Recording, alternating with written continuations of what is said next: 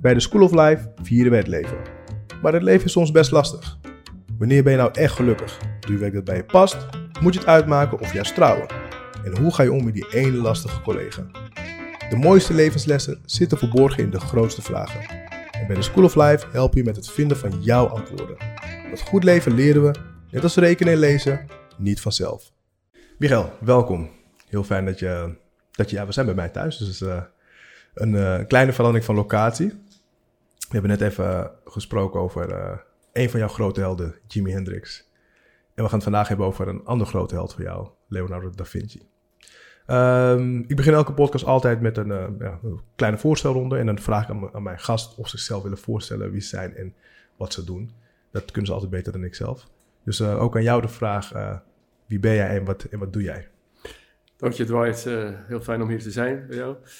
Um, ik ben Michael Kwakkelstein en ik ben de directeur van het Nederland, Nederlands Interuniversitair Kunsthistorisch Instituut in Florence. Beter bekend als het NICI. Mm -hmm. uh, en uh, hoogleraar kunstgeschiedenis uh, verbonden aan de Universiteit Utrecht.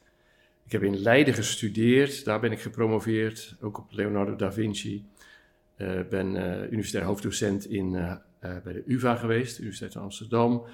Hoofdconservator van Teylers Museum een jaar, in 2005. Er was daar een hele mooie tentoonstelling of tekeningen van Michelangelo. -hmm.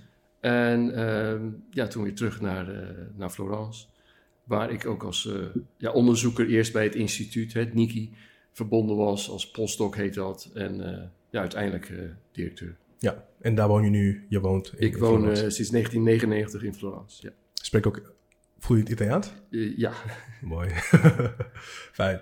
nou ja, goed. Deze aflevering gaat over Leonardo da Vinci. En, en we, hebben, we hebben een hele mooie reeks aanstaande. En ja, jij, we zijn vereerd. Want je behoort tot ja, tot de beste Leonardo da Vinci-experts. Dus uh, ja, ik ben zelf ook heel nieuwsgierig over wat je allemaal gaat vertellen uh, over Leonardo, over zijn leven, over zijn werk. Um, maar waar ik ook nieuwsgierig naar ben, is van hoe ben jij gekomen tot, uh, tot de expert die je nu bent? Want ja, we, we, vinden hem allemaal heel bijzonder natuurlijk, maar om daar echt bijna je levenswerk van te maken. Hoe ben je op, op, op dit pad terechtgekomen? Ja, eigenlijk al heel jong. Ik tekende veel, heel veel. En uh, mijn ouders hebben zelfs mijn, al mijn tekeningen bewaard. Dus die kan ik zelfs nog zien, vanaf mijn tweede. Ja. En uh, toen ik tien jaar oud was, was er een programma op de televisie. En je had toen Nederland 1 en Nederland 2. En dat was een, uh, een, documentaire over Leonardo da Vinci. Maar ook met acteurs. Ja. En daar was een boekje bij. Mijn ouders hadden dat gekocht. Bij die serie van de Tros was dat toen. Dus met plaatjes. En toen ik de tekeningen van Leonardo zag in dat, in dat boekje wat bij die serie uh, uh, was uitgegeven, uh, raakte ik gefascineerd door zijn, de manier van tekenen. En ging ik zijn tekeningen natekenen. Wow. Dus dat, Leonardo, ik, er was een soort link. En tijdens het kijken van die serie natuurlijk raakte ik gebiologeerd door, door deze man. Hoe die zo nieuwsgierig was. Dat hij alles wilde weten over alles. Ja. He, dat, dat als tienjarige jongen ik bedoel, je leert wel van alles op school, maar je moet uh, hè, dingen leren en zo voor, voor een examen, et cetera. Maar ik had nog nooit gehoord van een man die alles wilde weten. En dat al tekenen in schetsboekjes, notitieboekjes aan het vastleggen was. Ja. Dus als kind raakte ik daar gefascineerd. En toen ik uh, uh, op de middelbare school zat, uh, hè, dus praten we wat jaar later, bij geschiedenis, ja, je moet je scriptie schrijven. Een werkstuk, scriptie, eindscriptie. En toen koos ik voor Leonardo da Vinci. -hmm. Er werd tegen mij gezegd, nou, doe dat maar niet. Waarom niet? Ja, daar is alles over geschreven. Dat is veel te moeilijk. Uh, kan je niet uh, een makkelijker onderwerp nemen. Maar er was een, ja, ik had een soort sterke drive, nieuwsgierigheid. Dus ik zei, nee, ik wil het over Leonardo doen. Nou, ik was niet zo goed in geschiedenis. En met die scriptie, waar ik zelf de illustraties bij getekend had... dus niet foto's, uh, zeg maar, maar... Je maakte zelf teken, je eigen... Ik maakte de tekeningen ja. naar Leonardo... in plaats van dat je gewoon fotocopieën maakt van... Hè, mm -hmm. omdat ik zelf dus van tekenen hield. En ik kreeg een heel hoog cijfer voor die scriptie. Ja. Toen dacht ik, nou, kijk nou eens. Zit, als ik iets met Leonardo in. doe, dan gaat het goed. uh, en toen ben ik kunstgeschiedenis gaan studeren in Leiden... om meer over Leonardo da Vinci te weten te komen. Ja. Daar zei men in het begin ook van... nou, nou, nou, daar, daar doe dat kan je ook, ook niet beter een andere kunstenaar nemen... want dat is zo moeilijk voor een Nederlander. Je moet Italiaans... Uh, spreken en le kunnen lezen. En er is al zoveel over geschreven. Duizend publicaties per jaar neem maar iets anders. Maar weer zei ik nee. ik wil over Leonardo, dat moet, ik ben nieuwsgierig. Dus ik heb een geschreven en zelfs een proefschrift uiteindelijk jaren later. En zo is het eigenlijk allemaal gekomen, omdat als je zeg maar, een wetenschappelijke carrière wil hebben, dan moet je publiceren. Ja. En mijn publicaties vanaf het begin over Leonardo werden meteen eh, in de internationale vakliteratuur opgenomen. Ja, en dan ja, komt het, en van het een komt het ander. Word je uitgenodigd voor lezingen, dan kom je voor het eerst op de televisie, op de radio. Word je bij tentoonstellingen uitgenodigd om, eh, om een tekst te schrijven voor catalogus. En dan, ja, dan gaat de bal rollen. Ja. Dus het is grappig als je terugkijkt dat ik op mijn tiende die tv-serie zag. Opeens een link voelde, hè? een soort enorme link. Dezelfde link die ik voelde met, eh, toen ik voor het eerst eh, Jimi Hendrix hoorde. Mhm, mhm. Dat je meteen, dat er een wereld voor je open gaat. Ja. En eh, dat er iets van binnen verandert. Dus je, je Dat bent, heb ik ja, dus ook bij Leonardo gehad. ja, je, je bent eigenlijk altijd beloond op het moment dat je je met Leonardo bezighield. En dat, dat, dat kan je wel zeggen, ja. Ja, en Want kunstgeschiedenis is heel moeilijk. Het was toen ook in de jaren tachtig heel moeilijk om, om daar een baan in te vinden. En ik heb een projectvoorstel ingediend eh, om, om een boek over Leonardo te schrijven, eh, schrijven. En er was heel veel competitie met eh, niet alleen kunstgeschiedenis, maar ook geschiedenis en andere vakken, mhm. disciplines. En ik ben het toen geworden. ja wauw. Dus ja, dat, om een proefschrift te schrijven. En ja, dat, dat, is, dat was wel heel bijzonder. Mhm. Dus dan voel je dat die link die ik als kind voelde, die je toch, als je dat volgt, Ja. ondanks dat mensen zeiden, je kan maar beter iets anders nemen. En dat ik als jonge man, als student, tegen beter weten in, hè, wat de professoren allemaal tegen je zeggen, dat je toch, doorzet. doorzetten in wat je van binnen voelt. Een Ja. soort, Heb je ook een moment van, van, van twijfel gehad? Want ik kan me tuurlijk, je wordt op jonge leeftijd word je geraakt door iets wat je ziet. geraakt, Vervolgens maak je iets, ehm, maak je een proefschrift of, of een scriptie, krijg je een hoog cijfer voor. Dus je wordt vervolgens ook nog eens Ja, beloond voor hetgeen waarvoor je wordt geraakt. Maar ja, je, je, je kiest niet de makkelijkste route natuurlijk. Heb, Nee. je, heb, je, heb je te- tegenslagen gehad, twijfels? Zeker, want na mijn proefschrift eh, was het zeker 2,5 jaar voordat ik weer een baan, betaalde baan had. Want dan, eh, dan mag je wel een leuk proefschrift. Ik heb het in het Engels geschreven, het is ook meteen gepubliceerd. En het is allemaal geweldig dat mensen naar je verwijzen in de literatuur. Ja. En dat je wordt opgenomen en uitgenodigd wordt voor, voor, voor lezingen of interviews. Maar je moet wel gewoon een baan hebben. En aan de universiteit in die tijd, er was gewoon geen geld. Er was geen ruimte voor een positie. Mhm. Dus ik heb toen 2,5 jaar heel veel cursussen in Nederland gegeven. Kunsthistorische cursussen, Leonardo, weet je wel. Gewoon to earn a living. En eh, uiteindelijk kwam er toen weer zo'n vacature voor een... eh, wat was dat nou? Een postdocplaats. Mhm. En ja, die kreeg ik. En toen werd ik uitgenodigd door mijn voorganger...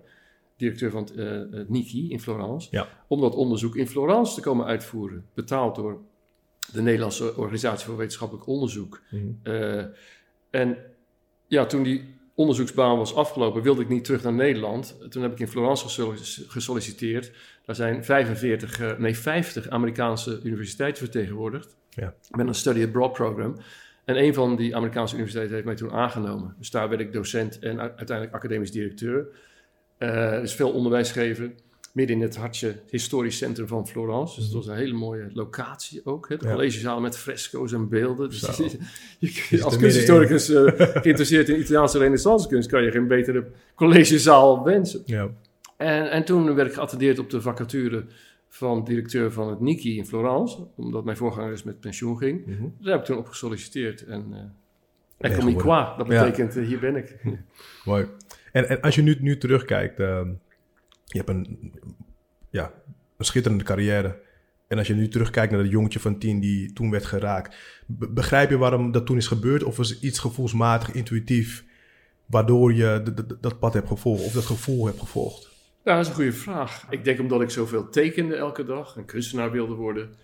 Ik zat veel op mijn kamer eh, ja, schetsen te maken. Ik ben lid van een schilderclubje geweest, tekenen, schilderen.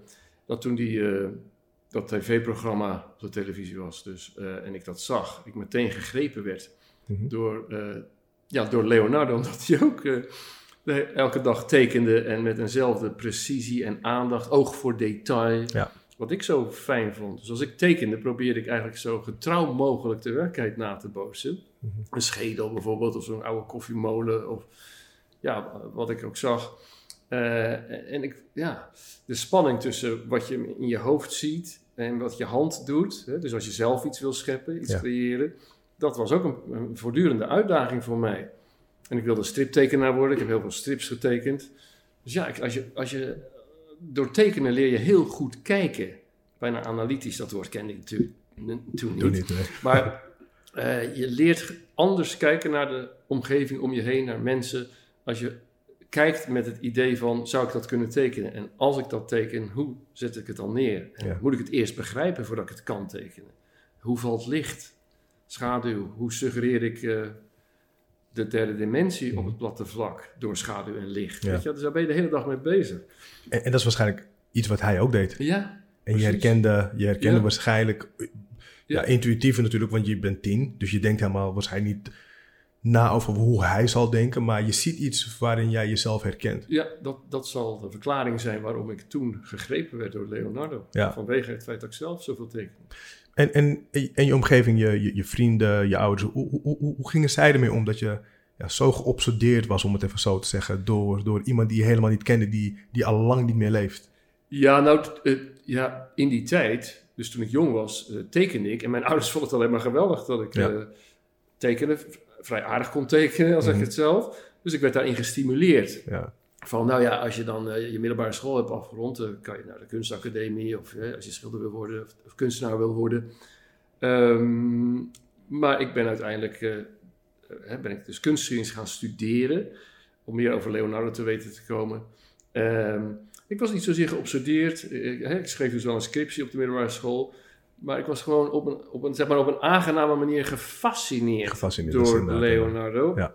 En dacht, uh, wat hij kan, dat kan ik misschien ook als mhm. tekenaar. En daar laat ik me door stimuleren. Dus ik gebruikte hem om mezelf, ja, om meer uit mezelf te halen. Ja, mooi. En, en als je dan kijkt naar zijn, zijn, zijn werken, hebben ze ook een rol gespeeld in, jou, in jouw persoonlijke leven of in, in, in je, of in je professionele je, je, professionele carrière. Dat je keuzes hebt gemaakt. Dat je bent geïnspireerd door dingen die hij heeft gedaan. En dat je aan de hand daarvan bepaalde keuzes hebt gemaakt. Of misschien wel steun hebt gevoeld.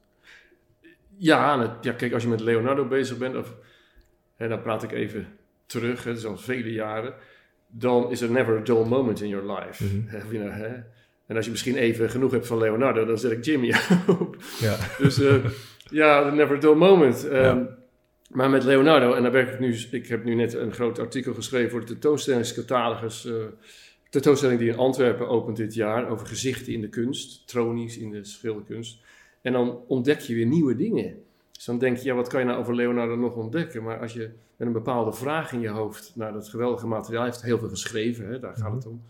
Die, uit die geschriften van Leonardo kan je dus heel veel halen over hem als mens, als persoon. Maar ook over hoe hij dacht over het leven, over zijn medemens, over zijn schilderkunst. Ja. Uh, en, en nogmaals, die nieuwsgierigheid, ik ben zelf ook nieuwsgierig, dat greep mij enorm. Dus uh, Leonardo als kunstenaar, als nieuwsgierig mens, toen dacht ik, ja, dat, wat een rijk leven. Mm dat, je, dat je altijd vragen hebt en die vragen probeert te beantwoorden, zodat je tot de essentie, de zin van het leven wilt doordringen. En hij zag de mens als een microcosmos een afspiegeling van de macrocosmos. Dat is een oud-Platoons idee, hè? dat is niet van Leonardo. Maar als jonge onderzoeker in Nederland, in, in die tijd, hè, je, je, groeit hier op, je gaat naar school, de universiteit. Maar als je Leonardo leest, dan kom je achter dingen die, waar, ze, maar niet over gedoseerd wordt. Ja. En je komt binnen en je denkt, ja, dit is zo'n interessant avontuur.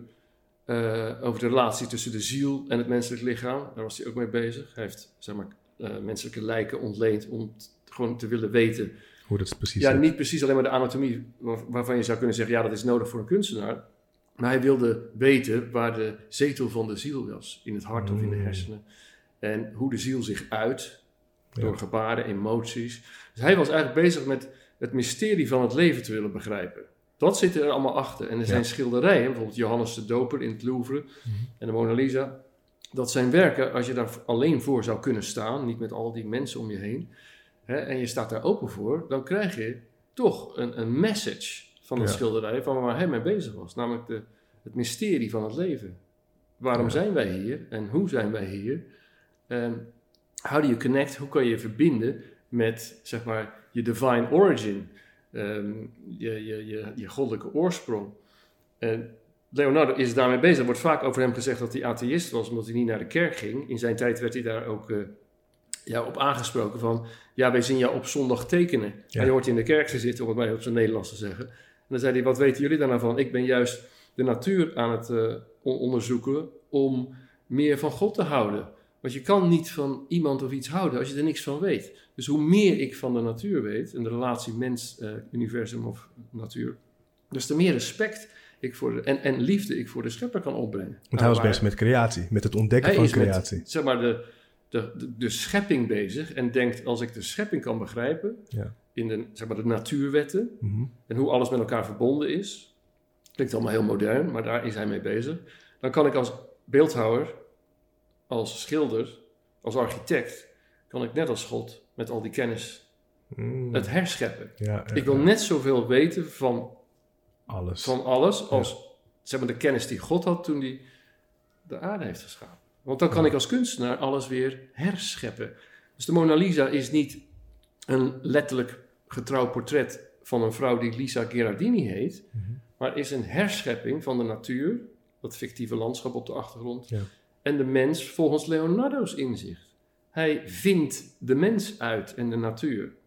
Hij is niet een uitvinder van techniek. Hij heeft wel heel veel technische studies gemaakt, maar dat zijn allemaal verbeteringen op bestaande technologie. Je moet hem zien als een mens die wil doordringen tot de mystiek van het leven, dus de essentie van het leven.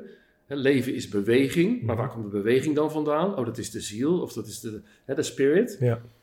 En als hij dacht, als ik dat nou allemaal weet, dan kan ik het dus zelf, net als God, herscheppen. Dus hij wil bijna naar het beginpunt gaan. Van hij wil naar het beginpunt, de essentie. De driving force. Hij noemt God in de maar Engelse vertalingen, om niet in het Italiaans te praten, de prime mover. Mm Maar degene die alles in beweging heeft gezet. Maar wat is dat dan?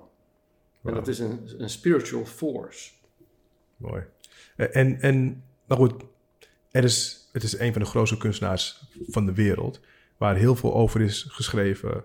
Hoe, hoe heb jij ervoor gezorgd dat jij toch je unieke invalshoek kon creëren in, die, in de massa aan informatie die er al was voordat jij überhaupt over hem wist?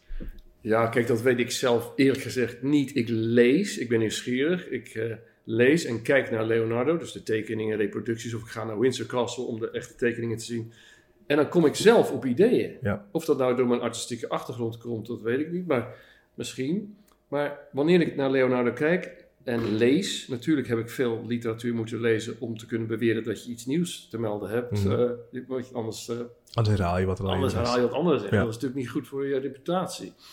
Maar ik merk dat zodra ik met Leonardo en de Italiaanse renaissance ben, maar zeg maar vooral Leonardo, dan merk ik dat er op de een of andere manier in mijn hoofd allemaal nieuwe ideeën komen, mhm. die ik natuurlijk wel met, uh, maar daar ben je dan wetenschappen voor, met grondige en argumenten moet onderbouwen. Ja. Maar ja, kennelijk na zoveel jaar en al die publicaties, uh, kennelijk wat ik schrijf, wordt opgepikt in de internationale Italiaanse, Amerikaanse, Engelse, Duitse uh, literatuur. Uh, kunt aangeweid aan Leonardo. En je wordt uitgenodigd voor congressen. Dus er is kennelijk iets in mij waardoor ik extra gevoelig ben om te zien van hé, hey, het zit zo en niet zo. Ja. Zoals anderen beweren. Exact. En dan moet je het natuurlijk in een goed uh, artikel in het Engels uh, onderbouwen, zien, ja, onderbouwen ja. met illustraties en argumenten enzovoorts, voordat je het gepubliceerd krijgt. Is, is dat niet um, de eerste keer dat je iets ontdekte of iets voelde of iets zag waarvan je dacht, hey, dit weten mensen volgens mij nog niet. De eerste keer dat dat gebeurde, wat gebeurde er met jou en wat was de reactie van de wereld nou, op jou? Uh, dat kan ik je vertellen. Ik ben in de jaren, eind jaren tachtig in Londen in de Warburg Institute net aan mijn proefschrift begonnen. En ik ontmoet daar Ernst Gombrich, mm een van de grootste kunsthistorici van de 20e eeuw, ja. die daar ook vroeger directeur was. En die uh, had ook over Leonardo veel gepubliceerd. En ik spreek met hem uh, in, de, in, in, zeg maar in, in, in, de, in, de, in een ruimte in het, in het Warburg Instituut waar je ook een, zeg maar een tosti kon eten, weet je wel. En, dus ik praat zo en hij luistert naar wat ik heb geschreven in mijn scriptie. Mijn scriptie, hè, mhm. om, om, af te studeren in Leiden. En hij luistert naar mij en zegt: Joh, als je dat nou in het Engels schrijft en je stuurt het naar ons, dan publiceren wij het in onze tijdschrift. Ja. Journal of the Warburg and Courtauld Institute. Dat is een van de meest gerenommeerde wetenschappelijke tijdschriften mhm. in mijn vak uh, ter wereld. Dus ik schrijf het in het Engels, ik koop een computer, ik uh, schrijf het in het Engels, ik stuur het en het wordt gepubliceerd in dat tijdschrift. En toen was je dus net afgestudeerd? Uh, nou, dat is in 1991, toen was ik um, net met mijn proefschrift begonnen. Je proefschrift, oké. Okay. Um, En ehm, ik word op een gegeven moment, ik woonde toen nog in Nederland, in Den Haag, opgebeld. En uh, ik hoor iemand zeggen, ja, u heeft de Jan van Gelderprijs gewonnen voor uw artikel in uh, the Journal of the Warburg and Courtauld Institute. En dat is dan een kunsthistorische prijs uh, voor ehm, jonge onderzoekers, mm -hmm. onder de 30 geloof ik, die een, ja, een, een, excellent of een uitstekend artikel hebben geschreven. Ja. Dus ik werd natuurlijk erg uh, ja, opgewonden ja, van het feit dat ik uh, mijn eerste publicatie over Leonardo meteen in het meest gerenommeerde tijdschrift ter wereld, wat betreft cultuur, kunstgeschiedenis, en dat je dan ook in Nederland nog een, een, een, onderscheiding, een prijs voor kreeg. Dus toen wow. was ik wel enorm gestimuleerd dat ik, uh, ik iets nieuws had ontdekt. Ja, wauw. Maar en, en um, tuurlijk, je ontdekt iets nieuws, maar is het niet, heb je, heb je geen tegengas gekregen van de, van de, van de mensen die zo zaten van, ah, het is een hele jonge jongen die, die met iets nieuws komt. Is, is het wel zo? Nou, niet, uh, uh, grappig, uh, vanuit Italië. Want vanuit vooral Italië. de Italiaanse kunsthistorici, zeker in die tijd, ouder dan ik, die dachten, wat, wat moet nou, want dan ontmoet ik die mensen natuurlijk. Als ik ja. naar een museum ging om tekeningen te bekijken, dan moest ik eerst een afspraak maken met de conservator. En dan werd er tegen mij gezegd in Milaan, wat moet zo'n jonge Nederlander nou met onze Leonardo? kan je niet met ja. Van Gogh of Rembrandt uh, bezighouden? Wat ik Wij vinden dat helemaal snap. niet leuk ja, wat jij ja. schrijft, want je bent een Nederlander. Ja. Dus, uh, en zij zijn natuurlijk trots op hun Leonardo. Ja, en, en, ik heb uh, twee jaar geleden een groot essay gepubliceerd, wat de Italianen helemaal niet leuk vinden, dat is over de persoonlijkheid van Leonardo. Okay. Dus men heeft altijd beweerd dat in die duizenden aantekeningen van Leonardo die bewaard zijn gebleven, iedereen, elke biograaf over Leonardo schrijft, ja, leuk en aardig allemaal, maar we leren niks over de mens. Mm -hmm. Het is niet zoals een dagboek waarin hij schrijft over liefde of dat hij ongelukkig is. Dus we weten, we komen niets over de mens Leonardo te weten als ja. je die duizenden aantekeningen leest. Nou, die heb ik allemaal gelezen. En tussen de regels door um, laat Leonardo wel merken wat hij van zijn medemens, zijn eigen leven weet. En ik heb twee jaar onderzoek daarna verricht en een groot artikel gepubliceerd. Uh, naar de aanleiding van een lezing op een congres, waarvan ja. een congresbundel dan uitkwam, daar staat het in. Over dat Leonardo een heel somber beeld van de mensheid had. Omdat mm. men hem niet begreep, of men dacht, humanisten en geleerden, die dachten, wat beweer jij nou over het heelal en de, de anatomie? Je, je, bent een kunstenaar, je hebt niet gestudeerd, je ja. bent niet afgestudeerd, je bent geen professor. Wij zijn academici hier in, in, in, in, uh, in Milaan, bijvoorbeeld in Pavia of in Bologna. En wij vinden helemaal niet leuk wat je allemaal beweert over uh, dit en dat. Dus hou je mond. Mm. En Leonardo is dan erg gefrustreerd en teleurgesteld. En komt dan thuis en schrijft in zijn dagboeken, in zijn notitieboekjes, over ja, wat hem toch wel overdag is overkomen. Ja. Daar hebben mensen of overheen gelezen, of ze hebben het niet goed gelezen. Want hij, hij, hij zal maar zeggen, hij scheldt op mensen. Terwijl hij bekend stond als een hele beleefde, vriendelijke man. Mm -hmm. Maar in de privécontext van zijn notitieboekjes, dus die niemand anders las en kon lezen, want hij schreef in spiegels, spiegelschrift, ja. linkshandig als hij was. Um, ja, um, moet hij echt wel eventjes... Uh. Ja, precies. Ja. Stoom afblazen. En hij schrijft, uh, hij maakt dus die karikaturen. Dat zijn, die staan bekend als karikaturen, maar daarin hekelt hij de me zijn medemens. Dus heel lelijk, groteske koppen. Ja. Maar hij maakt ook grapjes en hij schrijft ja, in een soort verhulde manier. Hij schrijft profetieën. Hij heeft heel veel profetieën geschreven. Mm. En daarin zegt dat hij de, men, de mensheid moet eigenlijk maar weer naar de hel teruggaan, waar de mens vandaan komt. De mens vernietigt de aarde. Ja. De mens snapt helemaal niks. Ze zijn alleen maar met rijkdom bezig, het verzamelen van materiële rijkdom. Terwijl ze helemaal niet begrijpen waar het werkelijk om gaat in het leven. En dat, daar is hij zo door gefrustreerd dat wanneer hij kennis wil delen, ook over hoe je water moet gebruiken voor energie opwekken, of hoe je met de natuur moet omgaan en dat je geen levens moet vernietigen, dat je geen mensen moet. Hij was de eerste vegetariër, dus hij, hij laat dieren met rust. Hij kocht uh, gekooide vogels op markten om ze vervolgens los te laten. Dus een vredelievend, pacifistisch mens. Maar wat hij ook vertelde, dan, ofwel ze luisterden naar hem van ja, ben jij vegetariër? Ho hoezo? We eten vlees. Ja. Uh, of uh, dan is nou eenmaal oorlog. Of ze vonden hem een beetje een vreemde vogel. Uh, wat betreft deze ideeën die nu heel uh, actueel klinken. Ja, ja. Um, dus hij voelde zich wat uh, geïsoleerd. Terwijl hij dacht, ik heb toch heel veel te melden. Ik heb, mm -hmm. Natuurlijk waren er wel koningen en, en, en, en, prinsen en vorsten die zagen dat hij geweldig schilder was.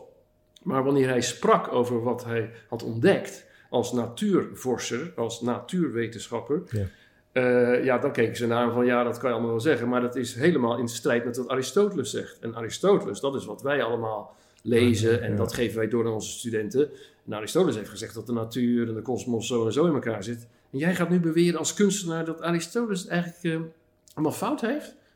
Dus, dus uh, hey, ga, jij, ga, jij, ga, jij lekker schilderen? en dan was Leonardo echt gekwetst in zijn trots, want hij dacht, nee, ik heb toch iets nieuws te melden. Heeft, heeft, dat hem, heeft dat hem enigszins als persoon veranderd, denk je?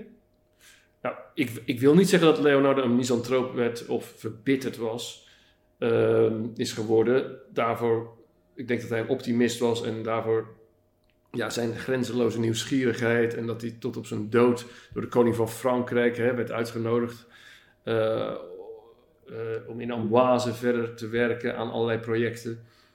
Uh, dat hij, hij had zo, hij had honderden notitieboekjes.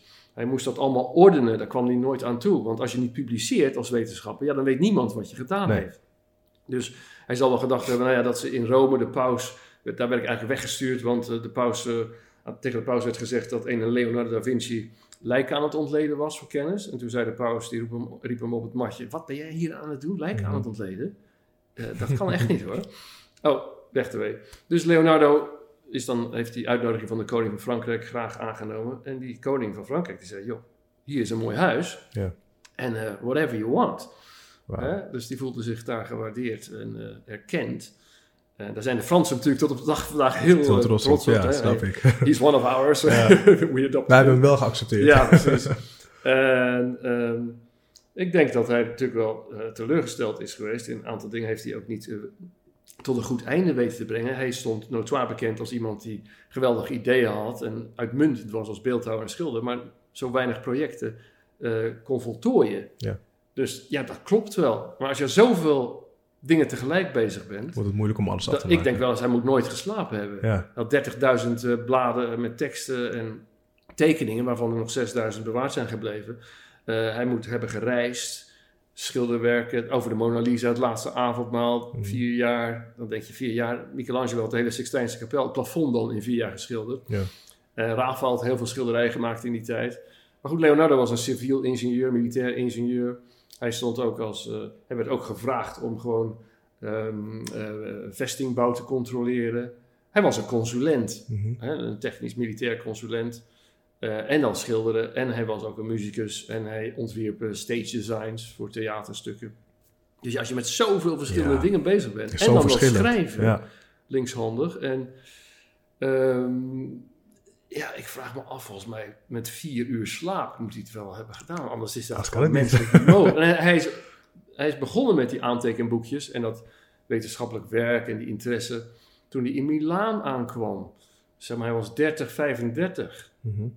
Nou, hij is op zijn 67e overleden, dus hij moet ja, zo productief zijn geweest. En, en mijn laatste vraag, en dan wil ik teruggaan naar het, naar het begin van van zijn leven eigenlijk. Maar ik zat na te denken, als je zo briljant bent, als je zoveel verschillende dingen goed kan, hoe moet je zijn, hoe moet je zijn geweest als kind?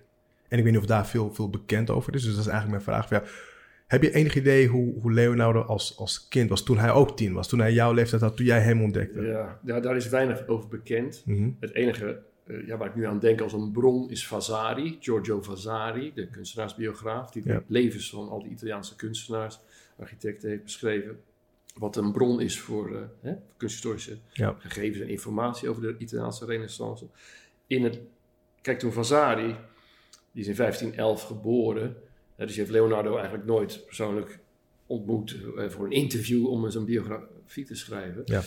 Um, dat, er was heel veel lacune in, over kennis over Leonardo. Toen hij begon te schrijven was Leonardo lang dood. Dus uh, ja, hij heeft wel met mensen gesproken in Florence die Leonardo wel gekend hadden of gehoord. Ze heeft ook wel veel anekdotes verzonnen een beetje. Maar als ik aan Vasari dan denk, dan moet je je voorstellen zo'n jongen die bij een oom woont, want zijn vader was notaris in Florence en in mhm. Vinci, dat is uh, ja, uh, misschien, ik weet niet hoeveel uur dat te paard is, maar dat is 40 minuten autorijden van Florence. Okay. Daar in de, in de heuvels, tussen de olijfbomen, daar groeide hij op bij zijn grootvader en oom Francesco, die hem hebben leren schrijven. Eh, dat de jonge Leonardo vooral in de natuur zat en tekende. En hè, zijn vader, dat weten we, dacht, ja, mijn zoon, uh, mijn buitenechtelijke zoon, daar moet ik, die moet wel een eigen leven hebben. Dus ik stel hem voor aan een uh, hele belangrijke kunstenaar in Florence, Andrea del Verrocchio, beeldhouwer die ook voor de Medici werkte. Want dan kan hij zijn eigen leven leiden en zijn eigen geld verdienen. Dus dat is heel goed van die vader van Leonardo geweest, de notaris. Maar dus Leonardo groeide op. De eerste 16 jaar van zijn leven moet je hem zien als een jongen, gewoon een plattelandsjongen. Ja. Die gefascineerd is door vogels. Van, ja, hoe vliegen die? Die naar water kijkt. Wat is water? Wat doet water? En dat allemaal tekent. En Vasari heeft dan die anekdote, daar dacht ik net aan toen ik je vraag begon te antwoorden. Die zegt dat Leonardo allemaal dode insecten en dode reptielen in zijn kamer had. Uh, zeg maar een hagedis en uh, een vlinder. En dat hij daar een soort hybride dier van maakte. Dus zeg maar, uh, je hebt een hagedis, die is dood. En de, de, de, vleugels van een vlinder, en die plakt hij daarop. En hij maakte dan een, een, een, een, tekening of een schilderij, zegt Vasari. En dat zette hij in zijn kamer. Dan deed hij het licht, uh, verduisterde hij die kamer. Dan deed, riep hij zijn vader, volgens Vasari. En die vader doet de deur open. En dan valt het licht achter de vader van Leonardo valt op dat paneel, wat hij op een ezel of op een stoel had neergezet. En die vader, zijn vader schrok enorm. Ja. En toen zei Leonardo alleen maar tegen zijn vader: Ja, dankjewel. De test is geslaagd. Dit is wat ik vind dat schilderkunst moet doen. Schilderkunst moet mensen ontroeren. Schilderkunst moet mensen raken. Ja. En daar is hij zijn hele leven ook van overtuigd geweest dat de schilderkunst, net als Mona Lisa, mensen moet biologeren, fascineren. Dat je ernaar blijft kijken. Zij lacht naar jou, emoties oproepen. Dus dat hij als kind bij zijn dus in Vinci al bezig was met uh, wat, kan, wat kan de schilderkunst allemaal? Wat vermacht de schilderkunst aan, aan effect op de toeschouwer? Het is hem goed gelukt. Het is hem heel goed gelukt. Het is de wereldberoemd op. Ja. Waar kunnen de, de luisteraars uh, wat over jou vinden? Heb jij een, heb je een website uh, waar we wat over je kunnen vinden? of je boeken waar we kunnen... Ja, ik heb op academia.edu... Mm heb ik een aantal van mijn artikelen gescand en, of drukproeven heb ik geüpload, zodat iedereen artikelen, een aantal van mijn artikelen kan lezen, of mijn oratie in het Nederlands. Ja. Die staat daar als het goed is ook op. Uh, Universiteit van Utrecht, daar heb ik een profielpagina. Universiteit Utrecht en naar Kwakkelstein. En dan zie je waar ik te bereiken ben en mijn publicaties allemaal. Vanaf mijn eerste publicatie, geloof ik. Ja. Ehm, ja, en dan is dit tentoonstellingscatalogus van het Tijlers Museum, waar veel mensen zijn geweest. Uh, Leonardo da Vinci sprekende gezichten in het Nederlands. Uh, The Language of Faces in het Engels. Die is nog gewoon verkrijgbaar in de winkel of weet je wel, bij bol.com ja. of anders.com. Dat is, dan heb je een mooie introductie in Leonardo, de schilderijen, de tekeningen. dat is een, denk ik, ja, met andere auteurs. Hè? Dus ja. ik was de gastconservator en heb twee essays geschreven en de entries bij de tekeningen. En ook collega's van mij. Dus dan uh, dat is goed dat je ook andere invalshoeken hebben, dat, hebt. Um, en er is een boekje uitgegeven, ook in het Leonardo-jaar 2019, over het boek van de schilderkunst. Mhm. Dus Leonardo's aantekeningen, in het Nederlands vertaald. En daar heb ik het voorwoord voor geschreven, de introductie. Dus over wie was Leonardo, waarom schreef hij over de schilderkunst. Ja, uh, dus dat is in het Nederlands uitgegeven, Leonardo boek over de schilderkunst. Ik zal het ehm, voor de luisteraars, ik zal het in de omschrijving plaatsen, zodat je makkelijk naar de, ja, naar de website en de, de, de net besproken punten heen kan gaan. Michael, hartstikke bedankt. Ik vond het, uh, ik vond het een heel inspirerend, fijn gesprek. En ja, je, wij zien je natuurlijk binnenkort uh, bij de School of Life uh, met een fantastisch programma. En daar kijk ik enorm naar uit. Dankjewel, Dwight. Ik vond het heel fijn om met je gesproken te hebben. Dankjewel. Ja, dank je.